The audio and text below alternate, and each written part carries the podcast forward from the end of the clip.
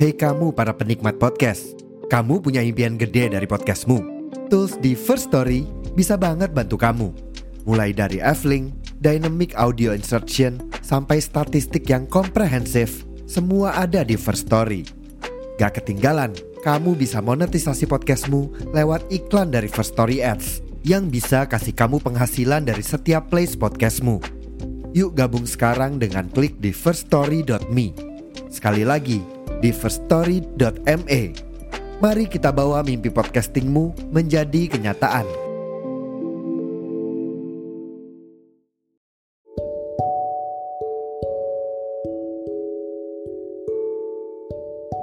Hai guys, welcome back to my podcast. Balik lagi sama gue Aya di podcast Sore Senja. First of all, gue mau minta maaf dulu kalau misalnya nanti setelah recordnya jadi, terus kedenger suara hujan atau ke suara-suara lain karena di sini posisinya lagi hujan dan tiba-tiba gue kepikiran untuk bikin podcast ini. Gak kerasa ya, tinggal beberapa hari lagi kita sampai di tahun 2023. Tahun baru. Kira-kira 2023 bakal jadi tahun yang baik gak ya? Pastinya setiap tahun baru selalu terbesit harapan di hati kita kalau kita bakalan dapetin tahun yang baik kan. Begitupun dengan gue gue juga sama. Dalam setiap pergantian tahun, gue selalu mendoakan bahwa tahun itu akan menjadi tahun yang baik untuk gue. Tapi ternyata kadang ekspektasi gue untuk itu tuh terlalu ketinggian ya. Sedih banget kalau inget kejadian dua tahun ke belakang. Kayak kok bisa sih gue masih ada di waktu sekarang ini dan kenapa gue bisa jadi lebih baik dari waktu itu dari yang tadinya gue tuh introvert takut ketemu sama orang tiba-tiba berubah jadi orang yang aktif yang pengen kenalan sama banyak orang yang selalu berusaha nyairin suasana dan selalu fine diajak nongkrong kapan pun dan di mana pun. Beda sama gue beberapa waktu yang lalu. Untuk kalian yang nyimak beberapa podcast gue ke belakang, mungkin kalian tahu cerita ini. Cerita di mana gue pernah menjalani hubungan dengan seseorang yang baru gue akhirin beberapa bulan lalu jujur, itu masih membekas sampai sekarang. Ini bukan berarti gue bilang gue belum move on ya, atau gue masih sayang. Enggak sama sekali. Tapi lebih ke, kenapa sih gue harus membuang waktu sebanyak ini dengan orang yang pada akhirnya enggak menjadi tujuan gue. Lo bayangin, waktu itu gue pernah dijanjiin mau nikah. Jujur hal kayak gitu tuh menurut gue terlalu besar. Janji itu terlalu besar. Tapi karena tujuan gue untuk serius sama dia, gue pernah putus sama dia dan kita balikan waktu itu. Pas balikan itu gue meniatkan diri gue ini orang yang pemain waktu pacaran pertama kali gue masih suka chat-chat sama lawan jenis di belakang dia. Bahkan gak seserius itu. But ketika kita balikan gue mulai menyimpan niat. Kayak ah, for your information setiap kali gue pacaran sama siapa pun itu bokap nggak tahu. Karena sebenarnya kalau misalnya diomongin gak ngizinin gak juga sih. Cuman gue lebih ke takut aja gitu belum siap untuk kenalin siapa pun ke bokap gue ini. Dan ketika gue sama dia gue tuh punya pikiran kayaknya gue kenalin aja deh. Buat membuktikan bahwa gue ini serius sama dia gitu. Jadi ketika dia bilang dia mau nikah sama gue otomatis gue seneng dong. Kayak gue langsung mikir oh berarti niat kita sama nih gitu gue udah cerita ke sana sini ke teman-teman gue dan teman-teman gue pun ikut senang gitu. But ya seperti yang gue ceritakan sebelumnya ternyata tidak. Hmm, dia nggak ada niatan ke situ. Nggak ada tabungan nggak ada kerja lembur untuk menabung nggak ada apa ya dana yang dia gunakan nantinya untuk mewujudkan apa yang dia omongin itu nggak ada dia menggunakan kalimat seperti itu untuk menenangkan gue supaya gue tidak mengganggu aktivitasnya. Dan yang paling bikin gue trauma sampai saat ini adalah dia menggunakan alasan seperti itu untuk menyembunyikan kegiatannya, yaitu drugs with his friends. Lo tau gak? hal itu bikin gue ngerasa gue gak punya harga diri lagi. I'm useless. Pokoknya gue priceless. Gue gak ada harga dirinya deh. Gue perempuan disandingkan dengan minuman keras. Like wow. Apakah gue serendah itu di mata dia? Harusnya ketika itu terjadi gue memutuskan untuk berhenti. Benar gak sih? Karena dari awal aja baru awalan kita balikan tiba-tiba dia udah melakukan hal-hal yang gak manusiawi bet bodohnya gue tuh punya pikiran kayak dulu dia sama gue dia baik dia gak kayak gini dan gue percaya kalau gue maafin dia, dia akan kembali seperti dulu akan menjadi orang yang baik lagi. Tapi ternyata enggak. Enggak sama sekali. Dia nggak berubah jadi baik dan justru makin parah. Dia melakukan kebohongan-kebohongan gila yang bikin gue akhirnya ada di tahap tidak percaya siapa pun. Yang tadinya gue menjalani hubungan serius yang tadinya gue mau menjadikan dia orang pertama yang akan gue kenalkan ke bokap gue ini menjadi orang yang mengabaikan dia pada akhirnya yang harus kalian tahu gue pacaran sama dia tuh hampir ke angka 3 tahun. Dan selama pacaran itu kehitung berapa kali gue manggil sayang yang atau sebagainya itu ke dia ini. You know why? Karena gue ngerasa sakit. Gue sakit kalau bilang kayak gitu. Setiap kali dia datang ke rumah atau kita main berdua dan gue lihat mukanya. Sakit. Gue kebayang omongan dia dan perlakuan dia. Kayak wow. Efeknya tuh seluar biasa ini. Separah ini gitu. Dia pernah bohongin gue terus dia pernah datang ke rumah gue dalam keadaan drunk tipsy gitu terus uh, dia juga drugs like wow apakah gue layak mendapatkan pria seperti itu? Dan karena dia, aku takut. Aku, gue jadi takut sama laki-laki mana pun. Karena gue pernah ngerasain yang namanya dibentak sama ayah gue. Jadi, kala itu gue tuh daddy issue. Dan gue menemukan dia gue berharap dia akan memenuhi daddy issue yang gue ini. Dia akan menjadi sosok yang baik untuk gue ternyata tidak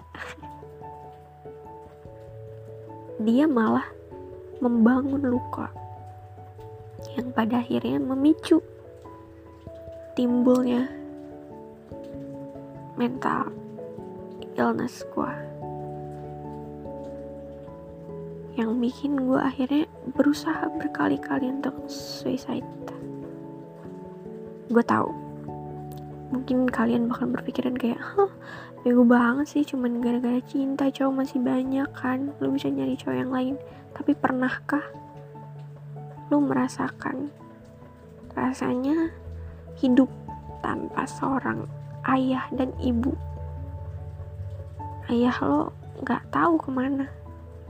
Ibu lo sibuk sama pekerjaannya ketika lo beranjak dewasa, lo jatuh cinta, lo ketemu sama satu laki-laki yang lo percaya bisa menyembuhkan inner child lo yang terluka itu. Pernahkah merasa seperti itu? Karena gue merasakan hal itu. Gue berpikiran bahwa luka gue, inner child gue, akan sembuh karena kehadirannya. Gue berpikir bahwa dia bisa menyembuhkan gue gitu. Karena ya for your information juga, selain ayah gue yang kasar, gue juga pernah dikasari oleh paman gue. Kalau itu gue gak akan cerita di sini. Itu ya, gue nggak tahu dia pernah cerita di podcast atau enggak yang sebelum-sebelumnya, tapi gue gak akan ceritain sekarang di sini. Gak penting dan gue tidak mau mengingat hal-hal itu lagi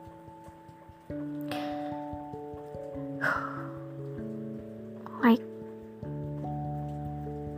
gila sih. Laki-laki. Kayaknya laki-laki yang hadir di hidup aku tuh hidup aku.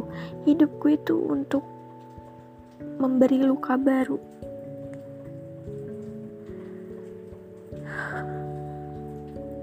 Dan ada satu hal yang bikin gue insecure sampai akhirnya benar-benar menutup diri dari siapa pun itu ketika pernah satu masa. Ya kalau misal kalian pendengar baru di podcast gue dan baru dengerin podcast yang ini itu ada di podcast sebelumnya. Tapi gue bakal ceritain sedikit di sini juga. Jadi waktu itu tuh ada uh, kayak kumpul sehabis pulang kerja. Ada dua orang laki-laki yang tidak gue kenal tapi ternyata dia adalah teman si mantan gue ini kita tuh lagi bercanda-bercanda. Gue bercanda sama temennya mantan gue yang emang gue kenal itu kan udah deket. Kalau dua orang ini gue nggak kenal. Entah angin dari mana tiba-tiba si dua orang ini membicarakan mantannya mantan gue. Ah gimana ya? Bukan mantan gue deh. Kita anggapnya itu posisinya di waktu itu tuh gue masih pacaran sama dia jadi si dua orang itu membandingkan gue dengan mantannya pacar gue ini.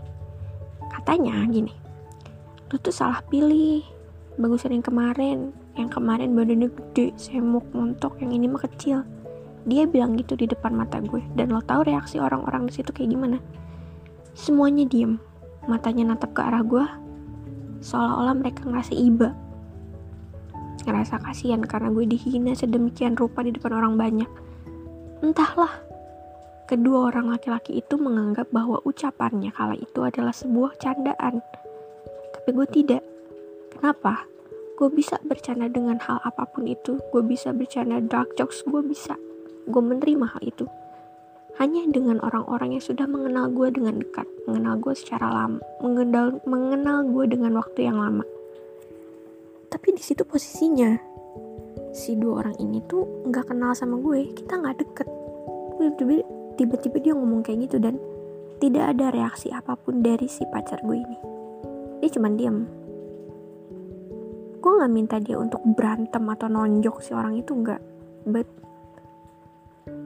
kalau laki-laki ngelihat pacarnya dihina di depan orang banyak, apakah dia akan diam saja? Wajarkah dia disebut laki-laki?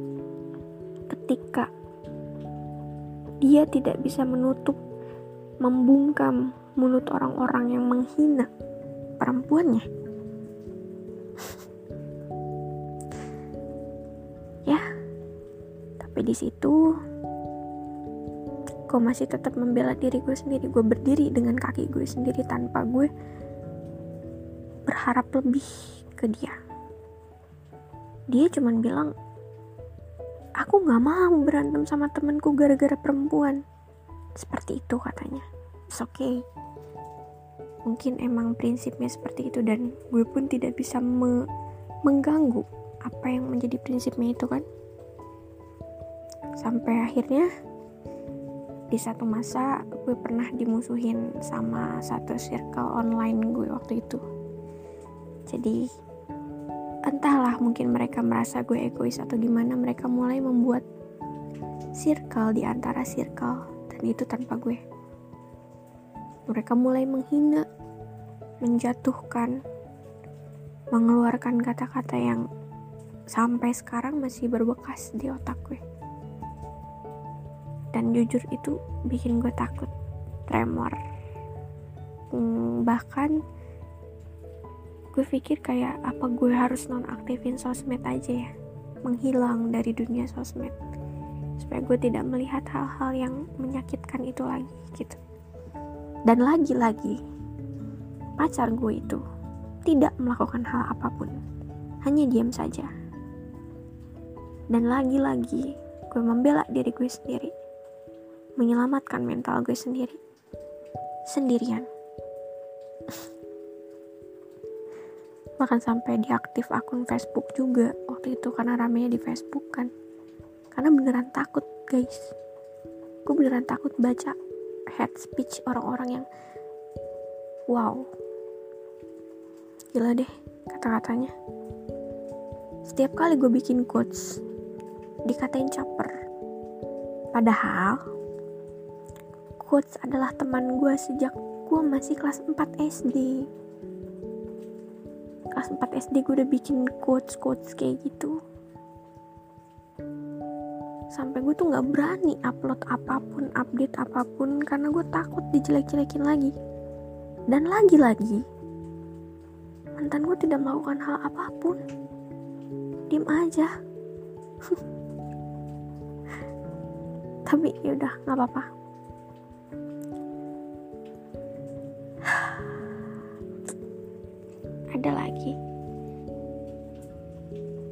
kemarin adalah tahun yang paling menyedihkan untuk relationship gue ya. Gue pernah sering banget dikecewain dibodoh amatin dan dijadiin opsi pilihan di nggak dijadiin pilihan ketika bosan. Tapi kalau misalnya dia lagi asik-asik sama orang lain, sama temen-temennya, sama dunianya. Dia akan fokus sama dunianya dan lupa kalau dia punya gue. Sedangkan dia tahu I'm alone, I'm lonely too. Tapi dia tidak seperduli itu dan ketika gue mulai marah, gue menunjukkan kekecewaan gue. Gue lah yang disalahkan. bahkan sampai dikatain anjing. Waktu kondisi mental health gue saat itu lagi nggak baik. Ya mungkin uh, karena tekanan ya. Gue tiba-tiba lepas kontrol gitu. Dan dia tuh adalah manusia yang manipulatif. Luar biasa manipulatif. Tidak mau disalahkan sama sekali. Dan selalu memutar balikan fakta menunjukkan bahwa gue lah yang salah di sini.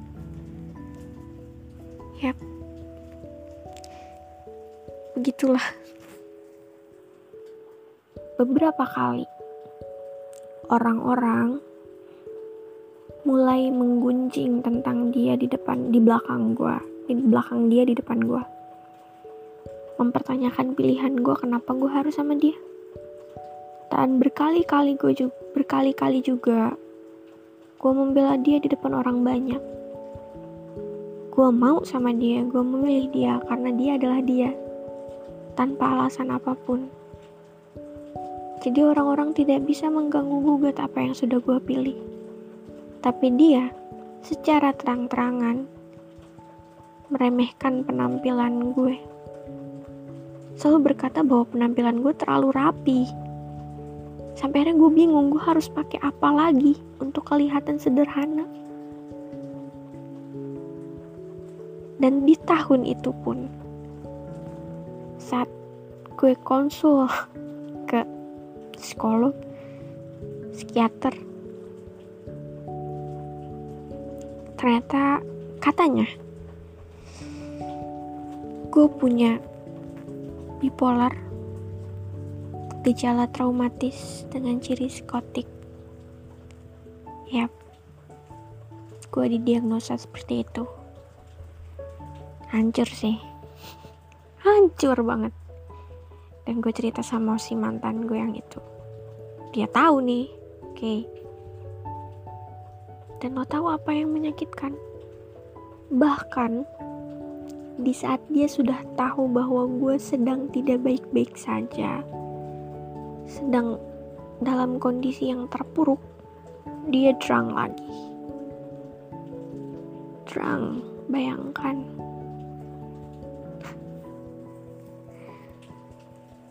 waktu itu juga pernah kejadian. Gue nangisin dia tengah malam sampai pagi. Khawatir. Karena takut dia kenapa-napa kan? Dia bilang dia mau pulang ke rumah tapi tiba-tiba gak ngabarin. Dan ya dengan kondisi gue yang tidak stabil itu gue mulai lost control sih ternyata apa? Si mantan gue tuh nggak balik. Nggak balik ke rumahnya. Dia nggak jalan sama sekali waktu dia bilang lagi otw dia stay di rumah temennya. Dan mengabaikan gue yang kepanikan saat itu. Luar biasa sih. Mental gue diuji. 24 per 7 dan ya berkali-kali gue coba untuk suicide. Entah dengan drugs bukan drugs yang emang drugs ya. Lebih ke medicine tapi gue minum secara over gitu. Cutting. Cutting. Yap I do it. Pokoknya gue melakukan apa pun deh. Biar gue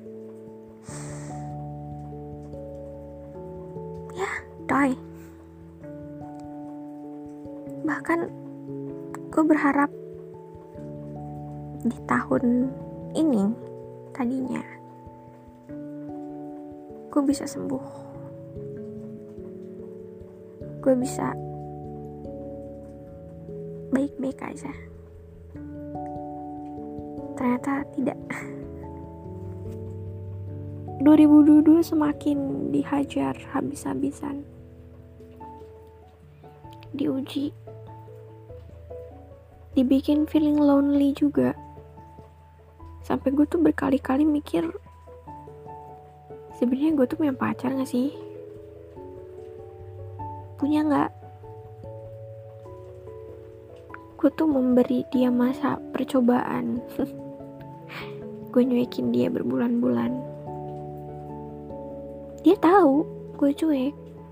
Dia tahu gue menghindar dari dia, tapi dia tidak pernah membuka obrolan.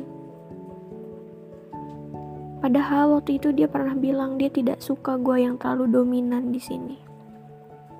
Dia mau dia yang menjadi dominan katanya. Dan dengan hal itulah gue memberi dia kesempatan.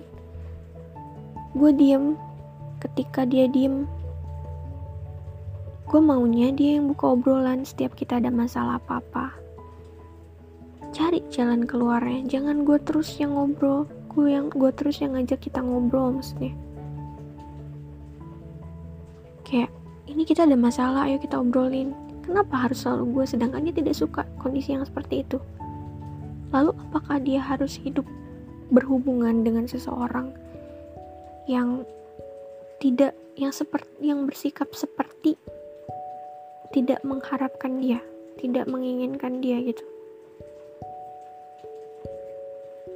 Apakah dia nyaman dengan kondisi yang seperti itu? Gue tidak, tidak nyaman. Makanya gue selalu berusaha untuk membuka obrolan. Tapi dia tidak mau. Dan bahkan ketika kita putus pun dia masih mengucapkan kalimat yang wow.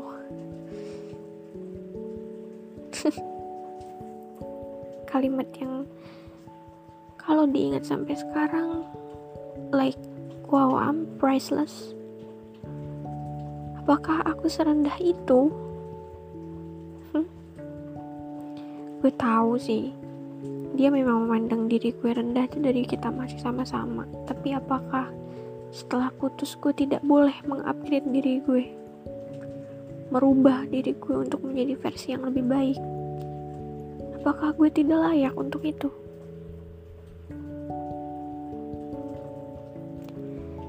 jujur luka itu masih membayang membekas sampai sekarang. Yang setiap kali malam-malam gue lagi diem datang lagi bikin gue overthinking dan ngerasa dengan luka sebanyak ini apakah ada orang yang dengan senang hati mau menerima gue dan even lukanya sudah sembuh pun pasti ada bekasnya kan apakah ada orang yang mau hidup dengan manusia yang penuh dengan bekas luka. Bekas luka yang bahkan tidak mungkin bisa hilang. Hanya memudar sedikit demi sedikit. Setiap malam gue overthinking tentang itu. Ada gak sih orang yang tulus yang mau menerima kondisi gue yang sangat buruk ini? Karena laki sebelumnya pun memperlakukan gue dengan seenaknya. Tidak manusiawi. Tetapi bukan seperti manusia memperlakukan hewan juga. Karena hewan lebih dikasihi. Entah dia memperlakukan gue seperti apa. Sampah mungkin. Kok nggak sekuat itu guys? orang yang kalian lihat fine-fine aja di Instagram, di WhatsApp, di Line, di TikTok maybe. Orang yang kalian lihat ceria, happy, baik-baik aja setelah putus. Enggak, gue nggak seperti itu. Gue masih hidup dengan rasa trauma gue, trust issue gue. Bayangan gimana gue dikasarin sedemikian rupa. Dijahatin. Masih stay. Gue tidak baik-baik aja. Apa yang selalu gue pamerin di sosial media palsu. Gue selalu berusaha untuk menjadi orang yang kelihatan fine positive vibes. Seperti apa yang orang-orang omongin yang katanya suka sama gue karena gue positive vibes. But I'm not. Gue tidak sepositif itu. Gue hanya pintar bersandiwara berpura-pura seolah gue baik-baik aja. Padahal enggak. Tidak baik-baik saja sama sekali. Luka ini masih ada. Belum kering. Masih sakit. Luka yang bikin gue gak percaya kalau ada orang yang bilang he loves me he want to stay. He want he want me maybe. I didn't believe it. Karena trauma itu trust issue itu. Gue sudah move on. Gue sudah melupakan dia. Tapi ada hal yang tidak bisa gue lupain yaitu lukanya. Bagaimana cara dia ngelak ngelukain gue saat itu? Itu hal yang tidak bisa gue lupain sampai sekarang.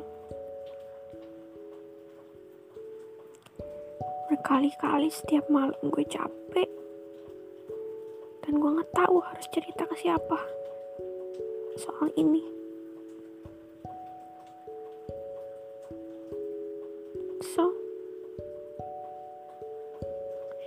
I die untuk merasakan ketenangan yang seharusnya. I'm just tired. I'm tired to be fake. Boleh kan? Gue ngeluh sekali aja. Kayak gini.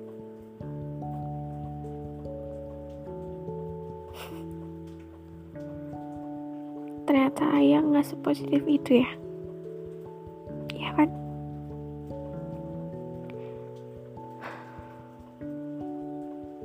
udah sih.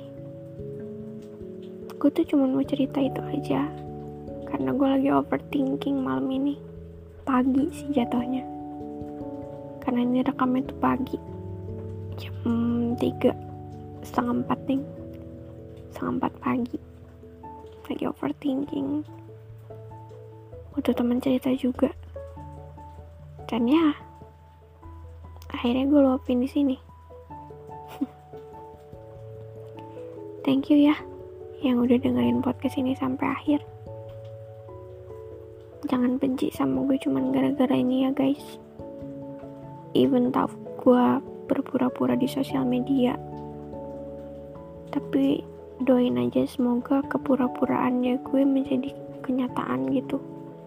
Biar yang tadinya gue pura-pura happy jadi beneran happy. Ya. Sehat selalu orang-orang baik. Kalau lagi butuh teman cerita DM aja oke? Okay? sampai sini dulu podcastnya. Kasih udah dengar jangan lupa kasih feedback di kolom di forum pertanyaan atau di DM Instagram is okay. Thank you so much.